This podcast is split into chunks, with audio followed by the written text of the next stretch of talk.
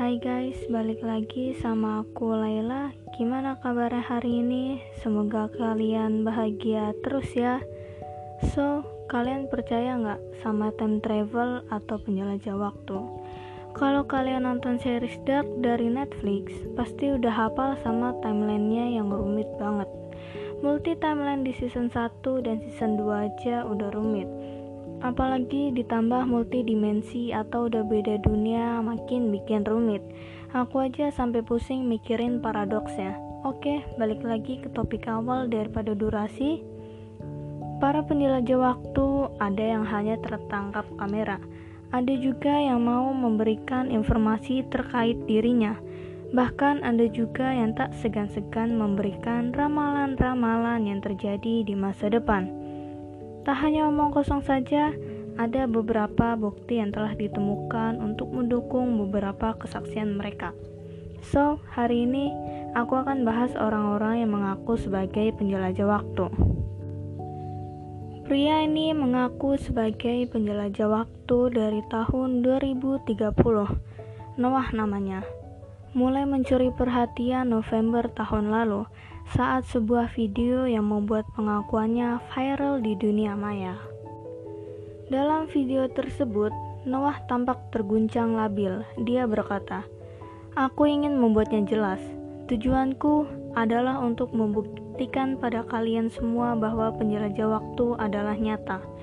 Faktanya adalah diriku sendiri. Aku seorang penjelajah waktu." Belakangin, belakangan ini Noah kembali muncul. Ia menyampaikan sejumlah prediksi atau ramalan masa depan. Agar lebih meyakinkan, pertanyaannya diuji dengan alat detektor kebohongan atau lie detector.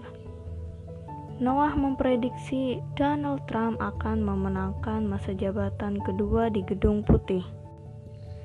Ketepatan ramalannya akan diuji dalam dua tahun mendatang Pria ini juga memprediksi pemimpin AS masa depan sosok yang akan jadi presiden negeri Paman Sam pada tahun 2030 adalah seorang bernama Ilana Remaik. Siapa dia? Aku juga nggak tahu. Ia juga mengklaim manusia akan mencapai Mars pada tahun 2028.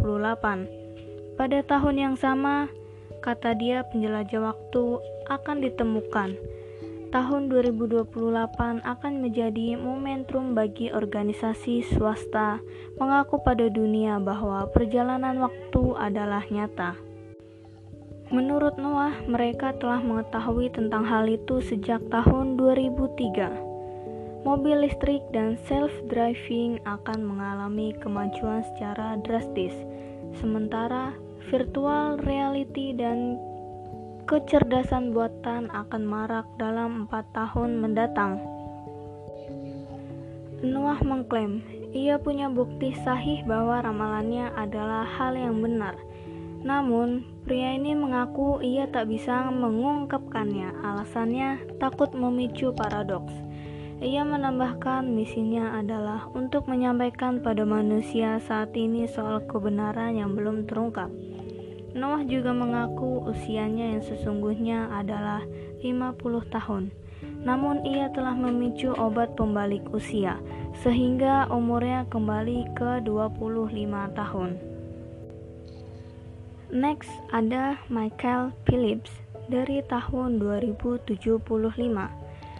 Jadi, dia adalah seorang penjelajah waktu yang mengaku lahir pada tahun 2043 dia mengaku datang dari masa depan tahun 2018, tepatnya dari tahun 2075. Dan dia mengupload video tahun 2018 dan ini video yang lagi sangat-sangat viral karena di dalam video itu dia mengatakan bahwa World War III atau Perang Dunia Ketiga akan dimulai pada tahun 2020. So, dia menceritakan beberapa hal lainnya seperti bahwa 9/11 adalah sebuah settingan yang dibuat oleh penjelajah waktu lainnya untuk mempersatukan bangsa. Seperti yang kalian tahu, setelah hancurnya Twin Tower itu, Amerika lebih erat. Selain bahwa Perang Dunia Ketiga akan dimulai tahun 2020, Michael Phillips juga bercerita bahwa perangnya akan berlangsung selama tiga tahun. Dan selama tiga tahun itu jutaan orang meninggal. Aku juga punya teori sendiri. Perang Dunia Ketiga itu bukan literally perang antar negara. It's actually humankind versus coronavirus. Katanya, Perang Dunia Tiga berlangsung selama tiga tahun. Cukup logis, karena emang prediksi vaksin COVID baru bisa beredar ke umum pada tahun 2022 mungkin 2023 benar-benar berhenti. Hmm, I don't know. What do you think? Oke, okay, next ada John Titor dari tahun 2036. Dia penjelajah waktu yang sepertinya paling terkenal dan kontroversial yang pernah mengguncang dunia. Mungkin kalian udah ada yang pernah dengar namanya, John Titor. Kisahnya John Titor ini sempat sangat viral di tahun 90-an sampai awal 2000-an. Pertama-tama itu dimulai ketika sebuah acara radio dapat fax dari seseorang yang mengaku sebagai seorang prajurit yang mengerti tentang penjelajah waktu. Cerita ini lalu berlanjut ke internet John Titor mengaku dia adalah seorang prajurit dari tahun 2036 yang menjelajahi waktu menggunakan mesin waktu. Jadi, dia di dalam perjalanan untuk kembali ke tahun 1975 untuk mengambil komputer portable pertama di dunia. Kemunculannya membuat banyak orang bertanya-tanya, namun selama lima bulan keberadaannya di internet, dia rajin banget ngejawabin pertanyaan-pertanyaan orang tentang masa depan di sebuah forum di website Art Bell. Sekarang websitenya udah nggak ada. Nggak cuma masa depan, dia juga ngejawab pertanyaan-pertanyaan tentang penjelajah waktu, kehidupannya sendiri, dan juga ramalan atau prediksi mengerikan dari masa depan. So, ini ada beberapa informasi atau prediksi-prediksi dari John Titor. Dia menyatakan bahwa alien adalah sebenarnya bangsa manusia di masa depan. Jadi, bangsa manusia yang sudah berevolusi dan balik ke masa lalu untuk melihat kita nih. Makanya bentuk mereka aneh, tapi sebenarnya postur tubuhnya dan organ-organ di dalamnya sama seperti kita. John Titor juga sempat ngomong tentang black hole CERN di mana dia bilang bahwa ada mesin waktu yang akan diluncurkan oleh Asosiasi Nuklir Atom oleh Eropa. CERN ini merupakan pusat penelitian partikel fisik yang terkenal memiliki akselerator partikel paling canggih dan terkenal di dunia. Komponen mesin waktu yang disebut sama John Titor ini memang memiliki konsep yang mirip dengan black hole, di mana mereka bisa menyedot benda fisik. Faktanya, tahun 2001 jadi setelah John Titor ngomong tentang ini, CERN benar-benar memperkenalkan IHC dan RHIC yang merupakan dua mesin black hole.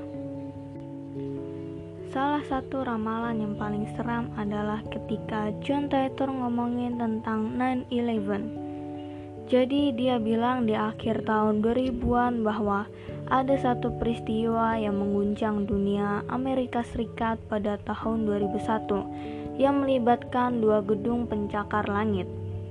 Itu benar-benar terjadi. Tak hanya itu, Titor juga sempat ngomong bahwa sebuah bencana besar akan terjadi pada akhir 2004 dan memusnahkan ratusan ribu jiwa. Dan apa yang terjadi pada akhir 2004? Yes, tsunami di Aceh. Merinding, aku serius merinding.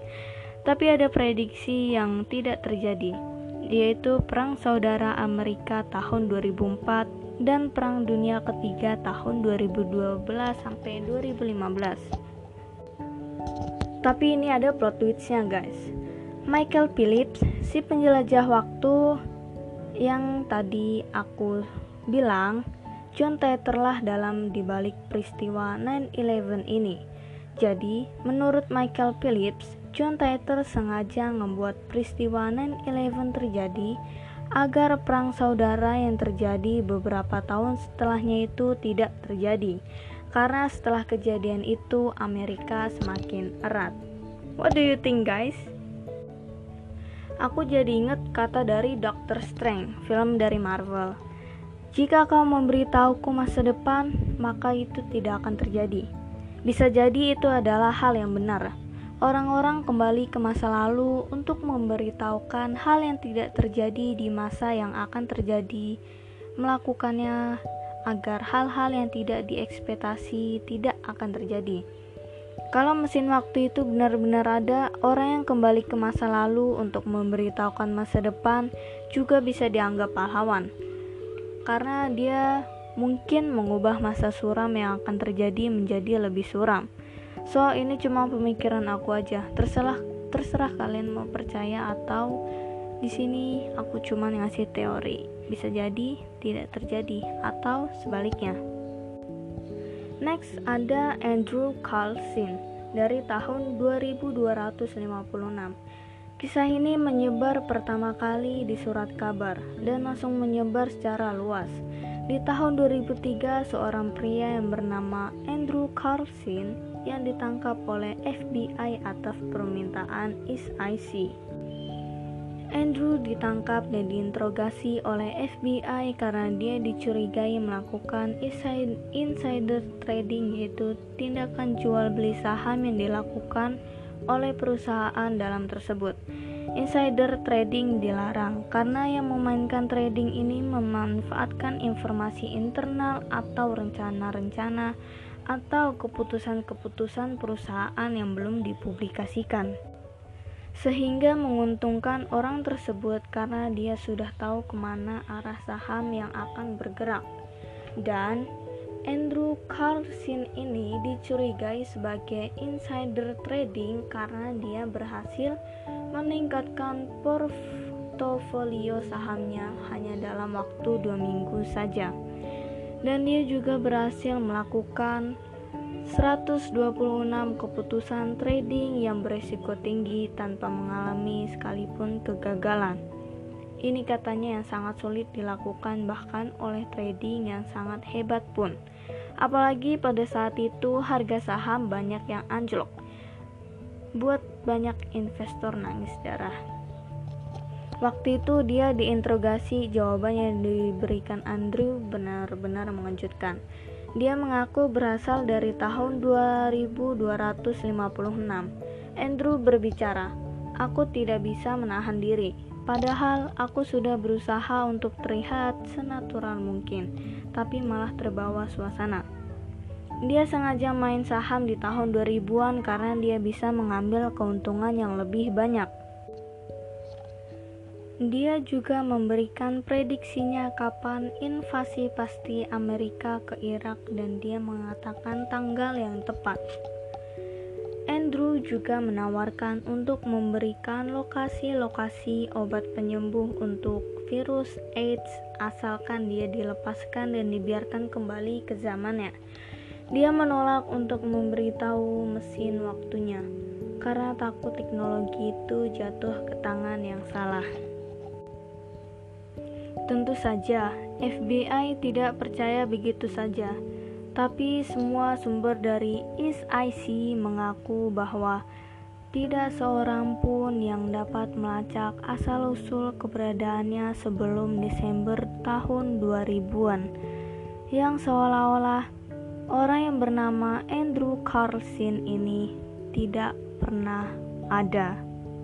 Yang lebih anehnya lagi, berita tentang Andrew Carlson ini tiba-tiba menghilang begitu saja. Apakah mungkin Andrew Carlson ini benar-benar rahasia negara?